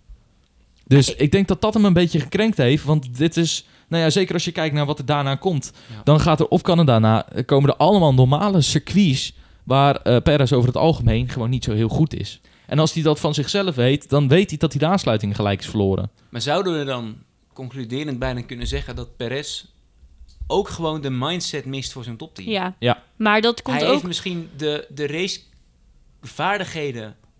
eh, nou ja, heeft hij misschien wel. Maar eh, ja, als je mindset niet goed is, komt dat er ook niet uit. Maar we hebben van Perez ook wel vaker de uitspraak gehoord dat hij het niet aan kan. Te veel races. Eh, hij heeft vier kinderen onder, ondertussen, waarbij er dus in dit seizoen nog eentje bij is gekomen. Ja, hoe vaak ziet hij die kinderen opgroeien? Dat is gewoon niet... Eh, Al- In mijn situatie, als ik ook kijk naar, ehm, zeg maar, familie-wise, zou ik dat ook niet aan kunnen. Mijn voorspelling is dat Perez eh, komend seizoen met pensioen gaat. Nog een andere die eh, nou ja, misschien richting zijn pensioenleeftijd loopt. De nummer drie van het eh, coureurskampioenschap. En de enige naast Max Verstappen die in elk weekend punten heeft gepakt. Lewis Hamilton. Ja, nou, het, ziet, eh, nou, het zegt. Op de retirement in Qatar en de disqualificatie in Amerika na. Maar dan pakt hij dus in de sprintrace. Hij heeft in ieder seizoen punten gepakt. Of in, in ieder weekend punten gepakt. Ah ja, ik zie het. Ja, nou, ja Zo, dat Hamilton. had ik niet eens door. zeg. Ja, dus Ha- Hamilton- kijk, Hamilton zit niet meer op het niveau waar hij een paar jaar, ehm, een jaar geleden in zat. Eh, komt ook, denk ik, voor een groot deel door die Mercedes-auto. Ja, Maar hij is wel consistent. ja. Hij heeft geen slecht seizoen gereden hoor. Hij, heeft, hij heeft een consistenter seizoen dan Perez bijvoorbeeld. Ja, en ook dan Russell. Russell, dit is ook... Nou, daar moet ik ook wel even bij zeggen, als we dan gelijk over die Mercedes hebben. Eh, Nou, hij heeft niet voor niets de bijnaam Osama Bin Russell gekregen. Sorry? Weet je dat Pardon? niet? Nee, deze had ik even gemist. Op elk meme-account wordt hij tegenwoordig Osama Bin Russell genoemd. Omdat hij eh, steeds in iedereen crasht of de muur zelfs de schuld geeft als die crasht. Eh, dat zie je bijvoorbeeld in Singapore, waarbij hij eh, in de laatste ronde de muren inging omdat hij vol voor de overwinning wilde gaan toen hij op P3 lag. Ja, dit zijn gewoon dingen. Russell die heeft op een of andere manier in zijn bol gekregen dat hij, eh, dat hij iedereen wel aan kan en heel erg arrogant geworden. En Hamilton die is dit seizoen wat stiller gebleven dan normaal. Ja. ja, een beetje tegen Max bashen, maar dat zijn we van hem gewend. Maar hij is wat stiller gebleven en heeft gewoon op de baan laten zien. En dat Ja. is bij Russell, hele grote bek, maar laat het niet zien. En hij heeft misschien geen win gepakt. Ehm, maar ja, op zich heeft Lewis het hele seizoen wel gedaan wat hij moet doen. En op zich... Heeft hij zeker gedaan, ja. nou hij heeft gewoon punten gepakt. zeggen. En uiteindelijk, hij heeft misschien maar zes podiums gepakt. Eh, maar hij is wel gewoon derde geworden in het eh, constructeurskampioenschap. Nou ja, Russell die eindigt ook 59 punten achter hem, hè? Ja, we komen zo bij Russell. Ehm, P4, uiteindelijk, en die is mooi nog steeds, Alonso. Ah, vind ik zo mooi, hè. Je, moest wel, je zag wel echt van... In het begin van het seizoen deed hij echt heel goed mee. Tot aan Oostenrijk ongeveer. En eh, wat mij daar is opgevallen... Want ik ben nog eens even daarover gaan nadenken. Van, eh, hij heeft heel veel punten achter elkaar ook gepakt. Tot, eh, van de eerste race tot aan Italië... heeft hij in één stuk punten gepakt. Klopt. En hierin ook veel podiums. Hij heeft een laatste podium nog in Brazilië gepakt... na dat geweldige gevecht met Perez. Maar dan moet ik er toch bij zeggen... ook de, alles waar hij een podium heeft gepakt... dat zijn races waar een hoge downforce afstelling op zit. Zou je dan niet zeggen... hé, hey, de Aston Martin die zit dan toch beter op de hoge afstelling daarvan? Jeddah even eh, die niet, maar dat is echt zo'n stratencircuit... Wat, wat inhalen niet al te makkelijk maakt... Waarbij als je een goede kwalificatie aflevert, wat we van Alonso gewend zijn, dan kan je daar nog best veel doen. Ja, ja, en ik denk dat ehm, sowieso gewoon in het algemeen ehm, hebben ze het gewoon gemist qua updates. Eh, je ziet Ja, eigenlijk klopt. het omgekeerde McLaren-effect. Eh, maar ziet- denk je dat hij derde was geworden in het, in het eh, kampioenschap? Had hij Hamilton ingehaald als ze Nee. meer updates hadden gedaan? Nee hoor. Nou, als die auto, zeg maar, als hij die, de, de prestaties van de eerste helft van het seizoen kon doortrekken naar de tweede, sowieso, had hij nog Perez aan kunnen vallen. Nou, ik heb dus het verschil eens even gemaakt. Want eh, Williams staat bekend om een eh, verschrikkelijke downforce. Die hebben gewoon bijna geen downforce. Ik denk dat de Aston Martin daar het tegenovergestelde van is. Want als je een eh, baan hebt waar je bijna geen downforce nodig hebt... dan zie je gewoon systematisch dat ze het niet zo heel goed doen. Ja, ja. Nou ja, ik vind het, zonde eigenlijk ergens dat hij nog vierde is geëindigd. Terwijl het is voor hem een fantastisch resultaat. Het is zijn eerste top 5 in het coureurskampioenschap in... Sinds 2013 Ja, volgens mij. zie je. Ehm, en uiteindelijk was het nog spannend, want hij heeft 206 punten gehaald, Alonso. Ook 206 punten voor Leclerc. Ja. Dat Ja, was nog is- eh, heel spannend. En ook met Lando, met 205 daarachter. Zeker. Eh, maar, nou ja, Leclerc, Natasja, wat... eh, Ja, ja ik denk dat ehm, Leclerc wel langzaam even terug aan het blik is op dit seizoen als... ehm, Shit. hij heeft die positie wel gemist door een aantal fouten vanuit Ferrari. Ik bedoel, we hebben dit jaar ook wel weer flashbacks gehad naar vorig jaar, waarbij het dus echt misging qua strategieën. Eh, ja, en ik hoop gewoon dat in de winterstop Ferrari echt even een paar leuke teamuitjes gaat doen, waardoor iedereen weer een beetje lekker samenkomt en het echt een familie wordt en ze goed samenwerken. Eh, en dat de, de, dat de strategist die er nu zit gewoon ook even gaat eh, evalueren op dit seizoen en denkt van ja, oké, er moet wel iets veranderen. En als Leclerc zijnde zelf zou ik dit zou ik daar zeker ook wel mijn best voor gaan doen, want 9 van de 10 keer werd hij gewoon te vroeg naar binnen gehaald, te laat naar binnen gehaald. Eh, of hoorde je op de boordradio gewoon eh, rare discussies die er gewoon niet horen te zijn. Eh, dus concluderend, het ligt niet aan Leclerc dat hij vijfde is geëindigd. Nee, nee, want Leclerc die zit heel veel potentie in. Maar ik moet ook wel zeggen dat ik dit seizoen vaker ehm, eh, een vermoeden had dat Sainz wat meer de, de eerste coureur was en het af Nou, en toe wat beter deed Aan het dan begin dat van, Leclerc dat was. vind ik het mooi dat je het noemt. Want aan het begin van het seizoen was dat dus nog steeds niet zo. Er was Nee. in Hongarije bijvoorbeeld dat Sainz op eh soft zat en ineens achter Leclerc vast zat. Weer zo'n dramatische Ferrari-strategie. Ik denk dat Sainz er weinig aan kon doen. En aan het begin van het seizoen was het ook dat de auto wat veranderd was en het in de bochten beter deed. Ja, Wat Sainz beter lag dan Leclerc. Dus die deed het eh, sowieso je- ietsjes beter. Als je echt kijkt naar de eerste 10 races inderdaad, ehm, nou, dan waren er al drie momenten dat Leclerc geen punten pakte. Bij Sainz was er eentje en Sainz pakte eigenlijk gemiddeld nou ja, rond de 10 tot 14 punten per race. Ja, en Leclerc, als hij dan een punt pakte, dan was het heel vaak 6 of 8 punten. Eén Eén keer in Azerbeidzjan dan, in Baku, echt een goede race gereden. Maar voor de rest was het eerste deel van het seizoen echt waardeloos van Leclerc. Ja, maar de reden ook dat Sainz nog zo dichtbij is gekomen op uiteindelijk maar zes punten verschil aan Leclerc, met Leclerc, is volledig te danken aan het begin van het seizoen. Nou ja, wat, eh, wat mij ook opvalt. En inderdaad, eh Sainz die lag die auto beter. Ehm, en Leclerc die was er gewoon nog echt behoorlijk aan het struggelen. Zeker nou ja, als je kijkt tot aan Spanje heeft hij echt zitten struggelen met maar één podiumplaats. En voor de rest twee retirements en een elfde plaats. Maar ehm, ik denk niet dat het driver mistakes waren. Hij had gewoon moeite om zich aan te passen aan de auto. Ferrari, nou, we kennen ze met de strategie. Dat hebben we hier nu ook al honderdduizend keer benoemd. Al in één podcast bijvoorbeeld. ja.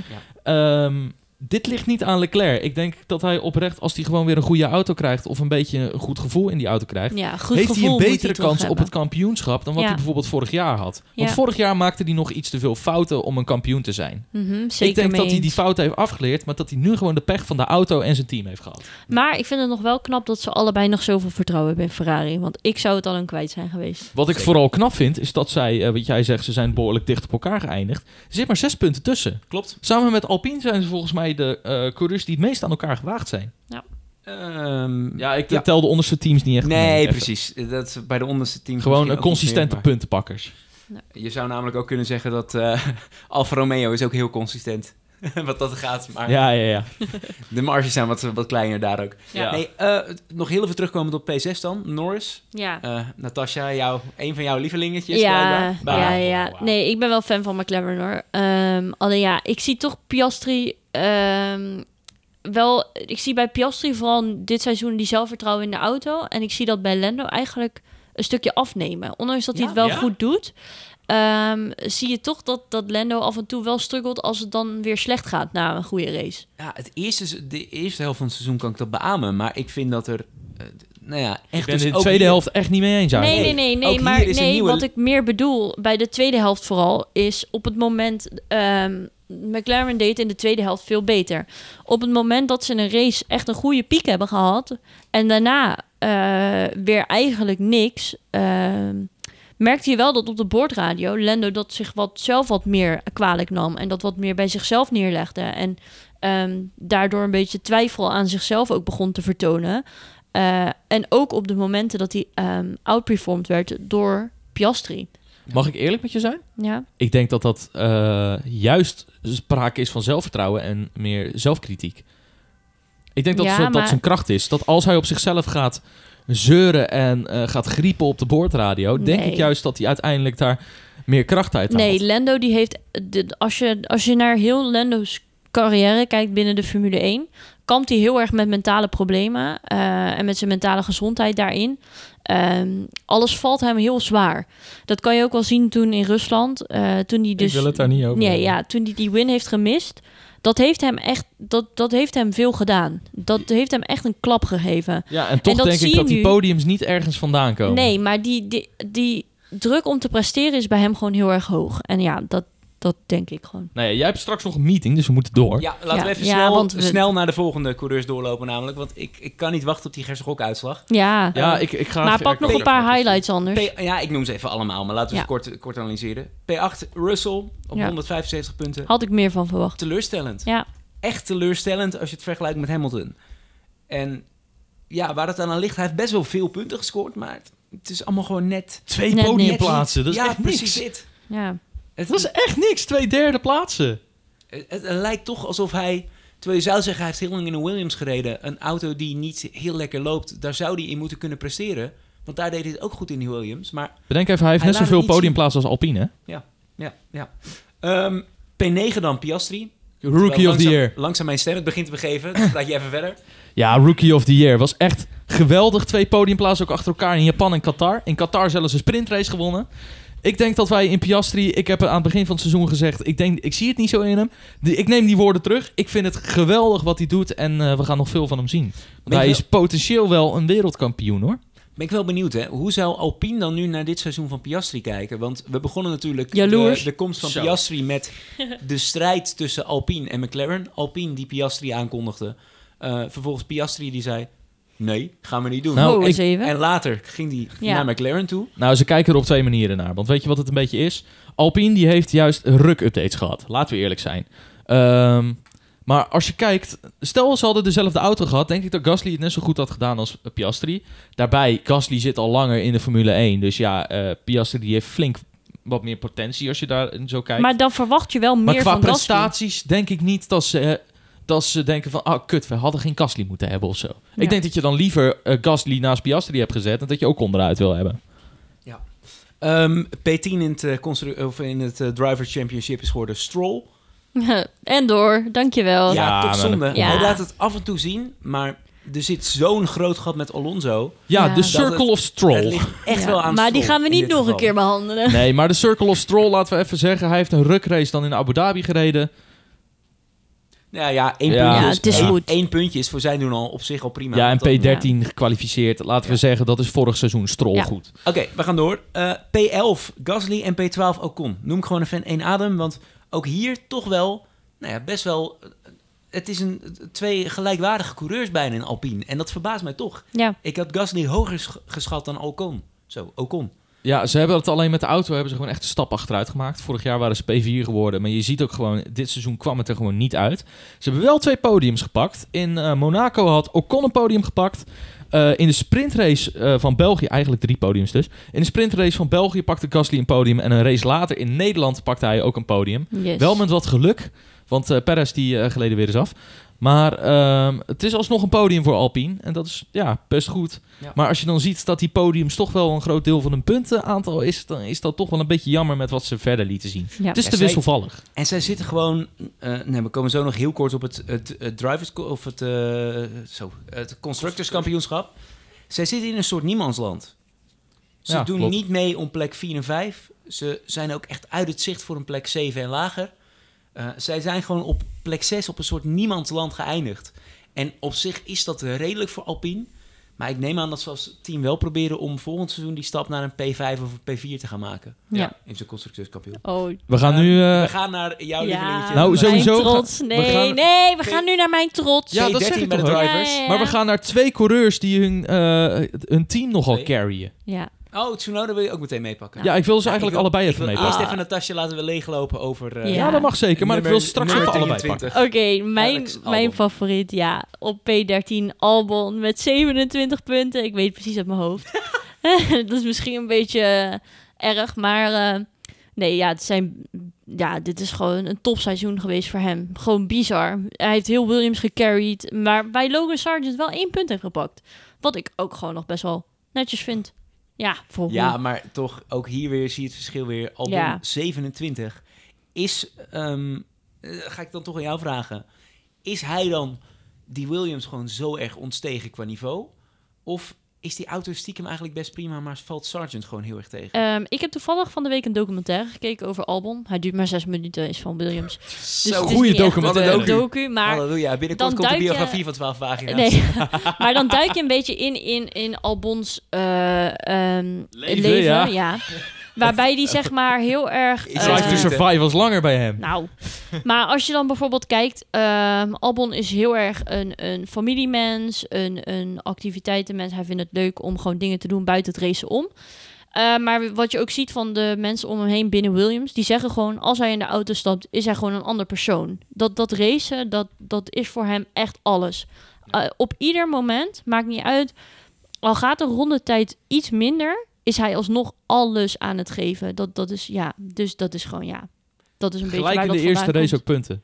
Ga ik voor jou naar Tsunoda, Daniel? Ja, Jij Tsunoda, die heb ik eh, behoorlijk af zitten katten in het eerste gedeelte van het seizoen. Totdat ze ineens een update kregen. En dan eh, zie je een beetje vanaf België dat ze het beter gaan doen. En zeker de afgelopen races heeft Tsunoda wel laten zien dat hij het kan. En toch vind ik, ehm, ondanks dat hij het team behoorlijk heeft gecarried, want hij heeft naast Nick de Vries gezeten. Ja. Nou ja, laten we die gelijk even eh, erbij pakken. Die heeft echt geen kloten gedaan. Nou, Daar kunnen we hem ook gelijk mee afronden. Oké. nou ja, Tsunoda die moest het daar gewoon echt doen. En dan heb je hier een paar tiende plaatsen. En ik zie dat vanaf het moment dat Lawson ineens begon te rijden bij eh, eh, Daniel Ricciardo en Lawson... werd hij ineens uitgedaagd. En toen Ja, ging hij beter hij kreeg druk, hij kreeg druk. Nou, ik wil wel een klein beetje daar een correctie in brengen. Want hij heeft in de vijf races dat Lawson eh, in, in die andere auto zat... heeft Tsunoda geen enkel punt gepakt. Nee, weet ik. Maar ik denk, Dus dat, hij daarom, ik denk dat hij daarom juist een beetje eh, een schop onder zijn hol heeft gekregen. Hoe bedoel je? Nou, dat hij denkt van... Oh shit, zelfs een rookie verslaan me nu. Want Lawson die heeft wel een, twee punten gepakt. Ja, kunnen we niet zeggen, eh, misschien ook wel juist dat Daniel Ricciardo zo belangrijk is, misschien wel voor de ontwikkeling van die auto of zo, dat Ja, gewoon het ja, hele 100%. team beter loopt met een Ricciardo erbij. Er moet een ervaren coureur zitten naast Tsunoda. Het want Tsunoda is te... Het was voor Yuki te vroeg. Ja, die is veel te jong, joh. En ik denk ook dat, het, dat hij komt niet in die Red Bull. Dat gaat nooit gebeuren. Maar ja, dan kunnen we gelijk wel even vooruitblikken ook op, op Ricardo. Dan slaan we laten er we- misschien een paar nee, over. laten we gewoon ja, eerst even heel snel alles- Ja, Even alles benoemen. ja, Bottas, P15. Meer van verwacht. Wanneer gaat hij met pensioen? snel. Ja, snel. Ik denk... Twee seizoenen. Maar hij zit wel goed naast jou, vind ik. Ja, maar Ze zijn wel aan elkaar gewaagd. Ik Ja. vind zo niet slecht. Het was gewoon echt de auto. Ja, Het is net niet. eh, P16, Hulkenberg. ja Eén keer punten maar gepakt. Maar over Haas Ook hoeven we het ook niet... eh, Alleen niet in Australië hebben. punten gepakt. Ja, en, en, in Oost sprintrace. en in de Oostenrijk sprintrace. Ehm, Ricciardo, 17e geëindigd. eh, met zes punten. Heeft van de acht races die hij reed, toch maar één keer ja. punten gepakt. Maar ja, de druk lag er naast het breken van zijn pols gewoon niet meer zo erg op. Want Alfa Tauri heeft dus letterlijk uitgesproken... Doe lekker je ding. Boeit ons niet wat, je, wat, wat voor punten of positie je hebt. Eh, zorg maar gewoon dat je focus en klaar stond voor volgend jaar. Moet ik er een klein beetje bij zeggen. Brazilië is die gewoon genacheld door de band van Albon. Die eh, ineens Ja, op zijn ja. rear wing kwam. Kwam die een ronde achterstand terecht. Las Vegas, weet ik niet. Ik heb hem daar niet gezien. En afgelopen race in Abu Dhabi had hij punten moeten pakken als Alfa Tauri een strategie beter had gedaan. Ja. Dus er valt nog wat van te zeggen. Je kan, je kan het nuanceren. 18e, zo. Ja, nou, daar hebben we ook al genoeg Ik- over gezegd. Ik had verwacht dat hij een, een stapje omhoog zou zetten. Ja. Nog. Hij heeft één punt meer. Ja. dat was wel een heel Ja. klein stapje. Eh eh 19e, Magnussen. Ja, die viel echt tegen. Ook een teleurstelling. Ik vind Haas toch, Ja, Haas Als die... je- eh, met name in de tests, zag het er best nog wel veelbelovend uit. en Maar- vorig jaar was Haas heel erg van... Oh, we focussen op de auto van volgend jaar. Ja. De auto van volgend jaar en dan dit. Ja. En dan eh, ja, komen we bij eh, de restplekken eigenlijk. Ja, 20e, Sargent. Liam Lawson. Oh, Liam Lawson nog boven Ja, Sargent. Geweldig. Complimenten dat je Ja. in vijf races gewoon toch, nou ja, eh, toch nog eh, Nou, twee is, andere mensen outperformed. in Singapore natuurlijk twee punten gepakt met een negende plek. En eh, Q3 daarin, waar die Max uit Q3 eh, schopte. Ehm, en twee elfde plaatsen. Dus zat hij ook best wel dichtbij. Want Ja. bij, eh, bij eh, Nederland Maar dat is wel ik van, netjes. Oh, dat is even wennen bij kwalificatie. Pak toch nog P13? Ja, Gaan we hem nog terugzien in de Formule 1? Ja, ja 100%. 100%. Die gaat eh, volgend jaar invallen. Oké. Want ik denk dat hij Yuki gaat vervangen. In- Maar of daar meer later over Ja, volgend jaar. Gaan we, gaan we nog over eh, doen. Ehm, ik, ik wil eh, de 21ste, Sergeant. In drie woorden, hoe was het seizoen van Sergeant, Natasja? Helemaal ruk. Derde woord is? Ja, dat was het eigenlijk. Punt. Punt. Helemaal Ja. punt. Daniel? Veelbelovend, maar teleurstellend. Nee, dat is geen drie Mooi. woorden, Dat joh. is zeker wel veelbelovend. Het is één woord. Oh, echt? Ja. Oh. Oké, tot slot. De 22e plek. Het doet nog steeds een beetje pijn. Niet Nick de de Vries. Kleine rent. Eh, ja, gewoon teleurstellend. Klein, hij is heel klein. Mag ik Ik het weer in drie gezien, woorden maar- doen? Jij mag het weer in drie woorden doen. Godgloeiende vinkentering. Nou, en we zijn weer, Godgloeiende is één woord volgens mij. Is het één woord? Ja. we zijn weer gerated, eh, gerated Nou, op... Oké, verdomd kutcoureur. Maar we gaan naar het leukste stukje van de podcast waar Kut- jullie heel erg op zitten te wachten. Kutcoureur is ook één woord. Nog heel even snel de constructeurs Oh, ja, ja. noemen, want die komen Ja. ook terug in de Gersengok. Eerste, duidelijk, Red Bull, volkomen terecht. Eh, Mercedes-Ferrari was nog lang spannend. Uiteindelijk Mercedes de tweede plek gepakt, Ferrari de derde. Terecht? Ja. Eh, op de lange termijn ja en nee. Voor ja, de strategie van ja, Ferrari, tegen Ferrari wel. ja. Want eh, ze hebben daar gewoon heel erg lang voor gestaan. En Ferrari heeft het te lang af laten weten. Als je het kijkt naar eh, een beetje vanaf Oostenrijk, eh, had McLaren het moeten zijn. Wel volledig te danken aan Hamilton eigenlijk dat Mercedes die tweede plek pakt. Mee Ja. eens. Ehm, McLaren vierde geworden. Keurig gedaan met Ja. die eerste seizoenshelft. Echt heel mooi. Ze waren echt slecht in die eerste twee races, zeg. Oh. Ja. Aston Martin, eh, vijfde plek. Zonde dat Meer die niet meekwamen. Hadden Had meer- echt de potentie om ook vierde te worden. Ook wederom gecarried door Alonso, hoor. Nou ja, Want Stroll Al- heeft even niks gedaan. Gewoon. Alpine dus niemandsland, eh zesde plek. Williams, zevende. Yay. Keurig gedaan. Met Gecarried door Albon. Albon. Albon heeft Achtste. het echt geweldig gedaan. Ja. Achtste, Alfa Tauri. Ja, ook Ja, niks over te zeggen. Ja, ik, had prima. Ze, ik had ze slechter eh, ik had ze ingeschat. hoger verwacht. Ik Nee, ik had ze slechter Oh. ingeschat, juist. En toch Alfa Romeo en Haas met plek 9 en plek 10. Ja. ja toch de teleurstellingen. Ja, Ik zeker. vind het toch nog redelijk wat Ik had punten. Haas hoger verwacht, ja. Ik vind 12 punten toch nog redelijk veel voor een P10. Eerlijk We gaan. Ja, want we hebben niet zo heel veel tijd meer. De Gersengok. Oké, de Gersengok. Ik heb de punten uitgerekend, maar we gaan nu eerst Gerco ik inbellen. Ja, maar ik dacht ik moet een soort intro-tekstje doen voordat Ik moet er Gerco wel even bij ineens zeggen, Hij opneemt. zit in Frankrijk momenteel. Maar jongens, we gaan toch niet Gerco zomaar op de podcast gooien zonder uitleg? Oh, maar ik dacht dat dit net de uitleg was. Nee. uitleggen. Ja, Ik heb dit al lang met hem eh, besproken. Hallo? Hallo, Gerco. dit is echt een mislukking. Hallo? Hi. Kan je... Ben, ben ik al live? Ja, je bent live. Nou ja, live. Oh. Kan hij ons horen? Met een frozen muziek op de. Frozen muziek. Staat hij? Sta je in Disneyland? Komt hij net een frozen parade voorbij? Ja, hij staat in Disneyland, sowieso. Ja, hij had dit met me besproken. Hij zegt, ja, misschien kan het niet zo zijn dat, eh, dat ik mee kan doen omdat ik in Disneyland zit op dit moment. Oké, maar zal ik de uitslag bekendmaken? Hoor, hoor jij Natasja goed, Gerk? Ik hoor uh, Natasja op de achtergrond, ja. Ja. Oké, dan de gersengok.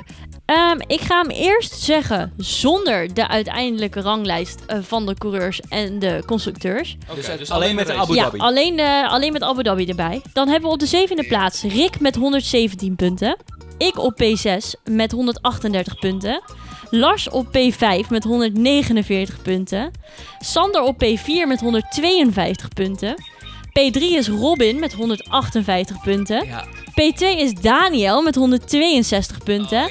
En P1 is Gerco met 164 punten. Ik doe niet Oh, meer mee. Ik hou- Maar dan krijgen we de uitslag met de ranglijst. Oh. En die ga ik er gelijk achteraan gooien.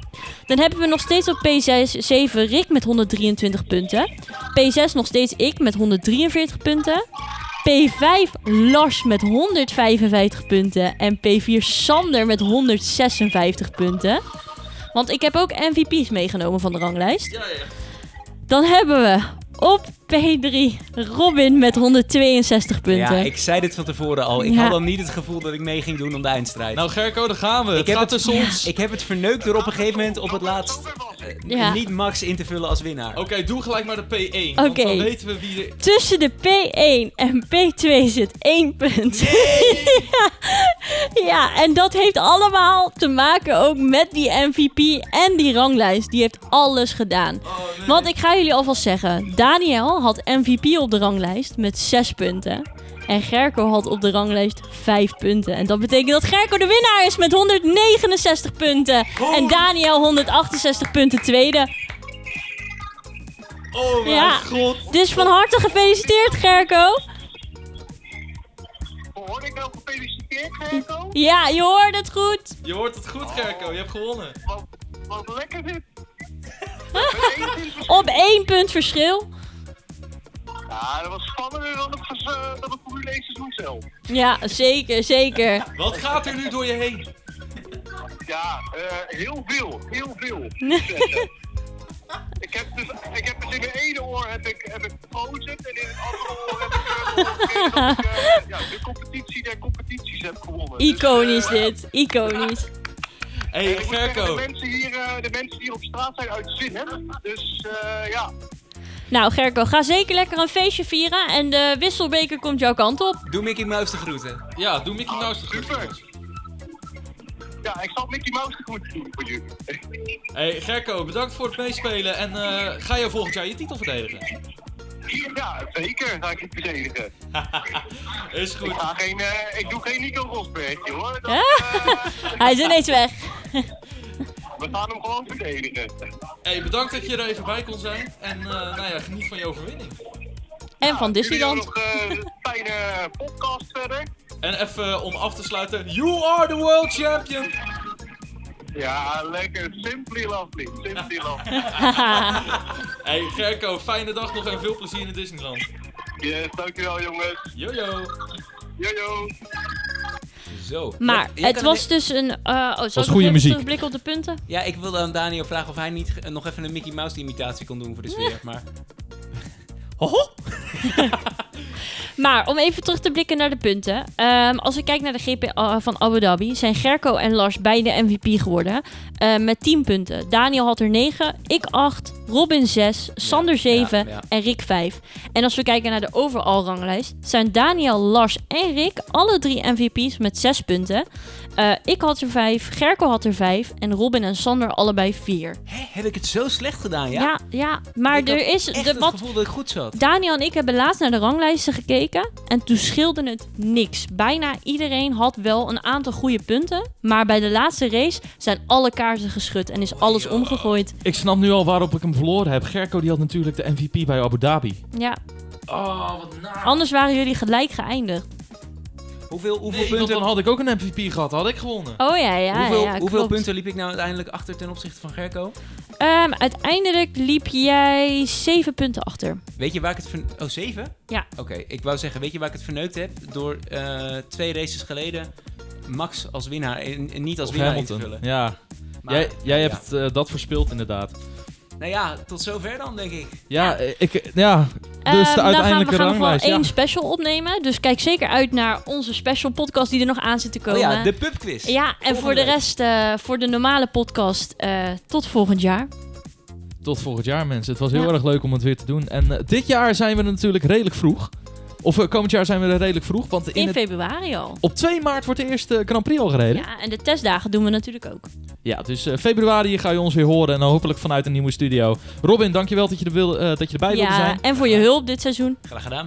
En eh Natasja, ja, het is altijd leuk om eh, met jou een podcast te doen. Zeker. Dus eh, we gaan op naar seizoen 4. Yes. Dit was de laatste aflevering. Dankjewel. Veel plezier nog bij de pubquiz die volgende week online komt. Yes. En dan, eh, Fijne voor winterstop. Ja, fijne winterstop. Fijne winterstop. nee joh, beter. Fijne feestdagen. Dit was een podcast van In Holland Radio Rotterdam. Wil je meer horen? Check dan inhollandradiorotterdam.nl